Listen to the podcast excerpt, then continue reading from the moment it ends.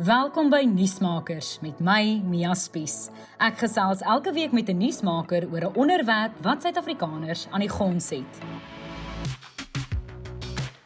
Oud-president Jacob Zuma is verlede jaar tronk toe gestuur vir 15 maande vir minagting van die hof, maar net 2 maande later is hy op mediese parol vrygelaat.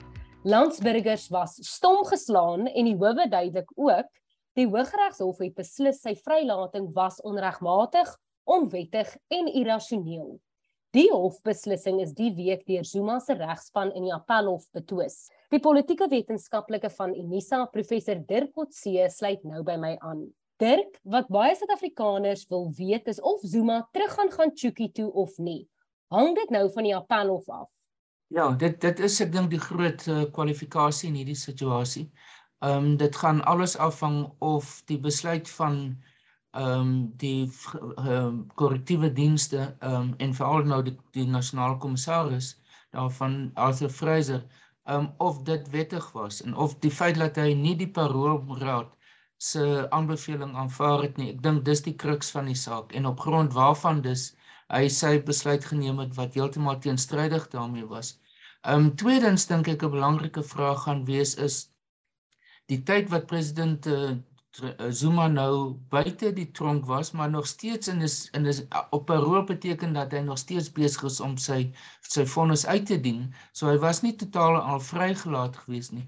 Of dit sal inbereken word as deel van die tyd wat hy reeds ehm um, uit, uitgedien het. En ek dink dis een van die groot vrae, die groot tegniese vrae wat uiteindelik te sprake gaan kom en wat gaan bepaal of hy wel terug tronk toe moet gaan of nie, want As dit nie die geval is nie, sal sy termyn uh, sy gevangenisperiode sal rondom Oktober tot 'n einde kom. So daar is nou natuurlik nog daai uitstaande 13 maande, so nou moet daar net bepaal word of hy dit in die tronkstelle wel sal kan uitdien.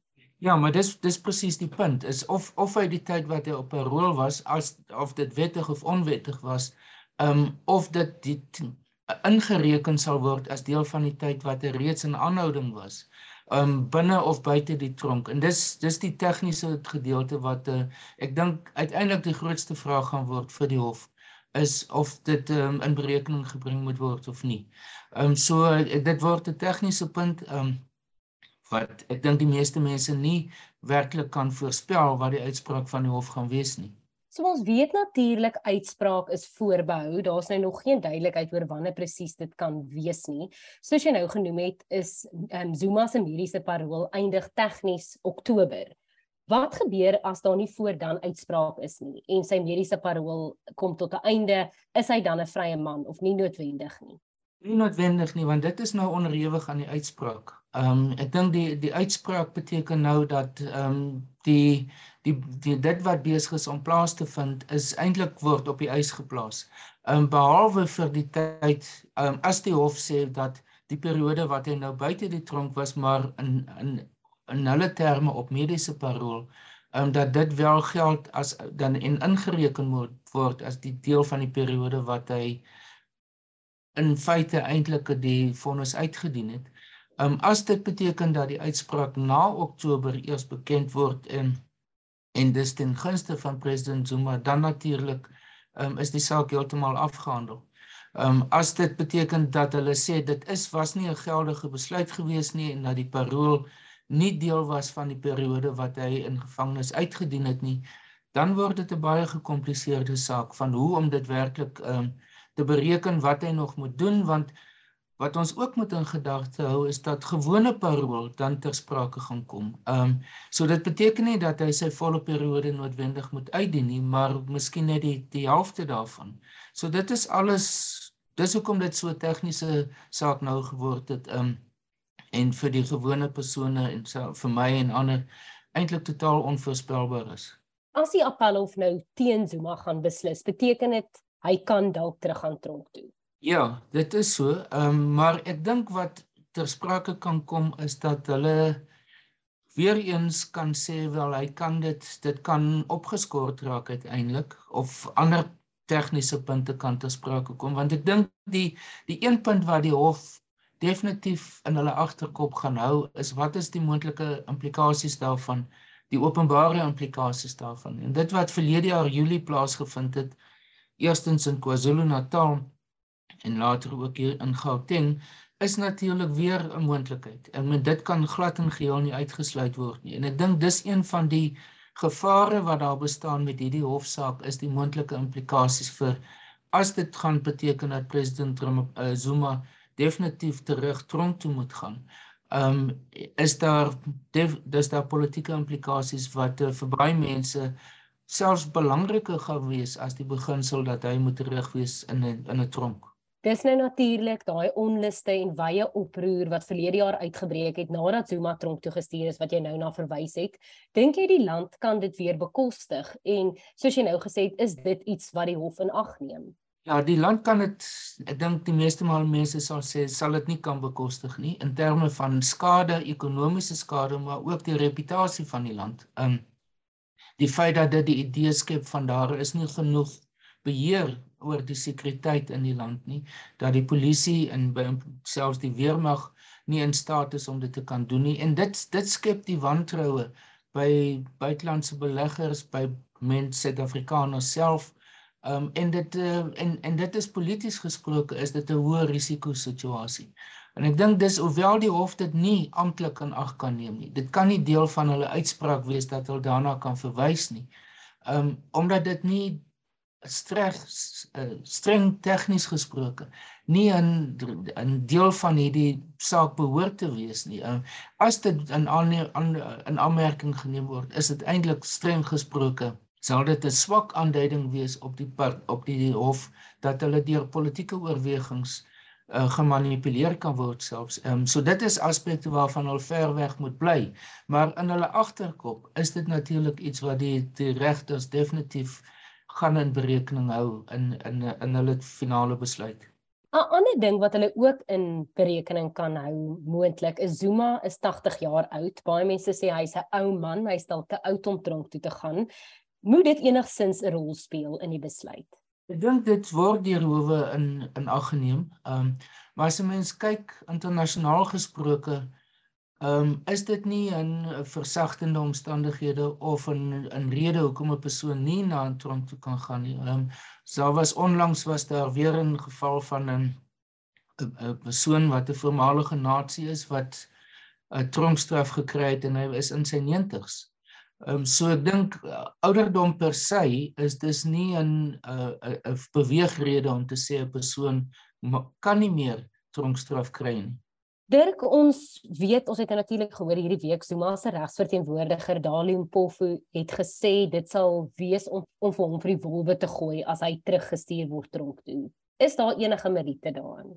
Wel dis dis nou 'n emosionele uitspraak. Um, en hy het dit in die eerste hofsaak waar waar hy hom ook verteenwoordig het, um, het hy presies dieselfde gesê. Um, en ek dink dis sy met sy strategie is om op die gemoed van die regters ook te kan speel en te, om te kan sê wel dit is dis iets wat natuurlik polities gesproke gesê word um, en wat die die land nie kan bekostig nie en dat dit gaan oor die die blote simpatie wat president Zuma nog in in dele van die land het. Ons het dit gesien nou in KwaZulu-Natal met hulle provinsiale verkiesing die ANC se provinsiale verkiesing dat president Zuma wel nog baie merkbare steun in die in KwaZulu-Natal as provinsie het. Nie noodwendig in die ander provinsies nie, maar ek dink dit is iets wat gegeewe weer eens wat verlede jaar gebeur het, is die tipe simpatie of emosie waarop Dalium Pofu probeer speel. Ons het hierdie week weer gesien daar was baie ondersteuning vir Zuma daar buite die appelhof. Wat beteken dit? Sy steun is beperk in die sin dat dit is beperk tot KwaZulu-Natal. Die res van die land is daar nie werklik steun vir president Zuma nie. Um dit is iets wat en ek dink hy is besig om 'n prys te betaal vir die benadering wat hy gevolg het terwyl hy president was en dit is om 'n soort van 'n Zulu nasionalisme te probeer opwek. Um en hy het ek dink dink terug aan daardie TM van hom van 100% Zulu boetjie, né?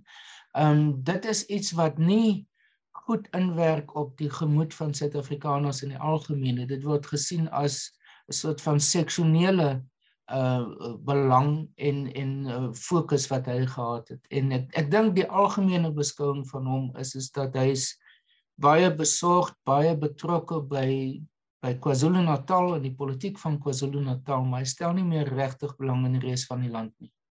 Hoekom is hy nie self in die hof nie? Is dit nie nodig nie of is daar 'n rede? Ons weet advokaat Dalium Polfoos daar, hy sou al amper 'n celebrity um regsverteenwoordiger natuurlik ook die verteenwoordiger van die geskorste openbare beskermer advokaat Bosisiwe Mqobani. Hoekom sien ons nie self as Zuma daar nie? Veral as hy da die simpatie van die hof wil hê. Ons hoor hy's 'n ou man, ehm um, hy moenie teruggaan nie. Dink jy nie dit sal help as hy self in die hof is nie?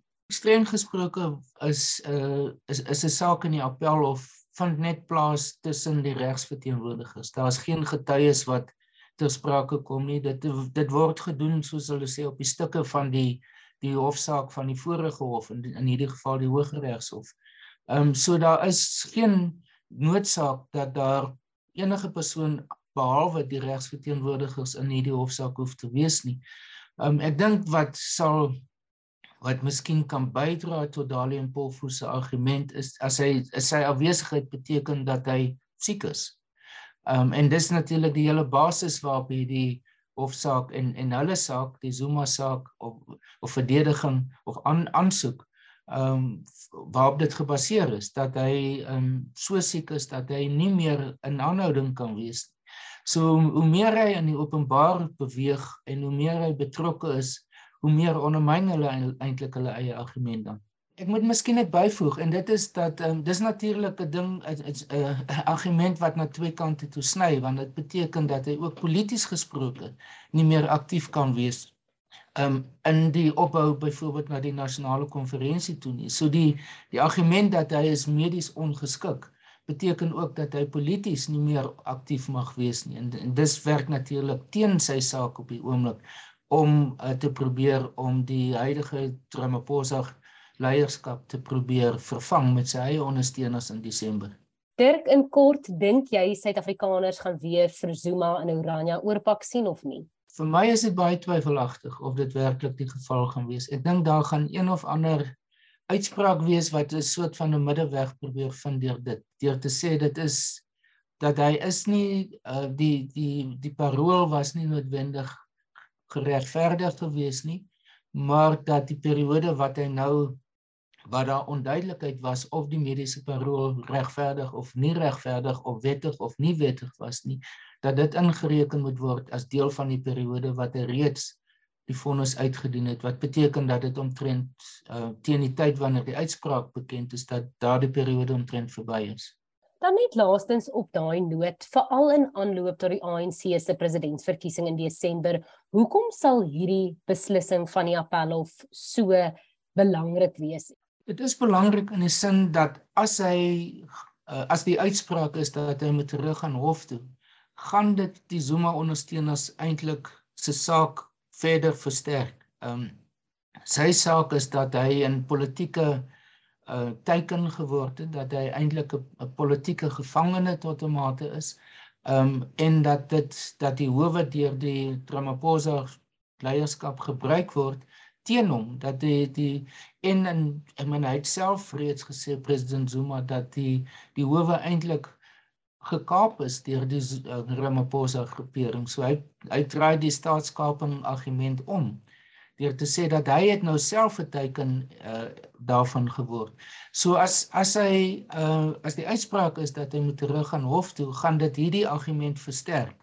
Um en gaan dit vir vir mense wat miskien twyfelagtig is oor Zuma se situasie, gaan dit miskien hulle swaai in die rigting van meer ondersteuning of meer simpatie vir hom. As die uitspraak is wel dat dit uh, dat hy nie hoef terug te gaan nie, dan sal dit natuurlik die teenoorgestelde effek hê. Um en gaan dit vir hom moeiliker wees om, om aan te gaan met die argument dat die uh dat die uh, howe eintlik gepolitiseer is en deur die Ramaphosa groepering uh, misbruik word en gedomeineer word. Nuusmakers met Mia Spies is 'n produksie in samewerking met die Potgooi Produksiehuis Volume. Ons vervaardigers is Roland Perolt en Kairen Blau. Moenie volgende week se episode misloop nie wanneer ek weer by 'n kenner aanklop om lig te werp oor 'n kwessie waaroor ons meer moet weet.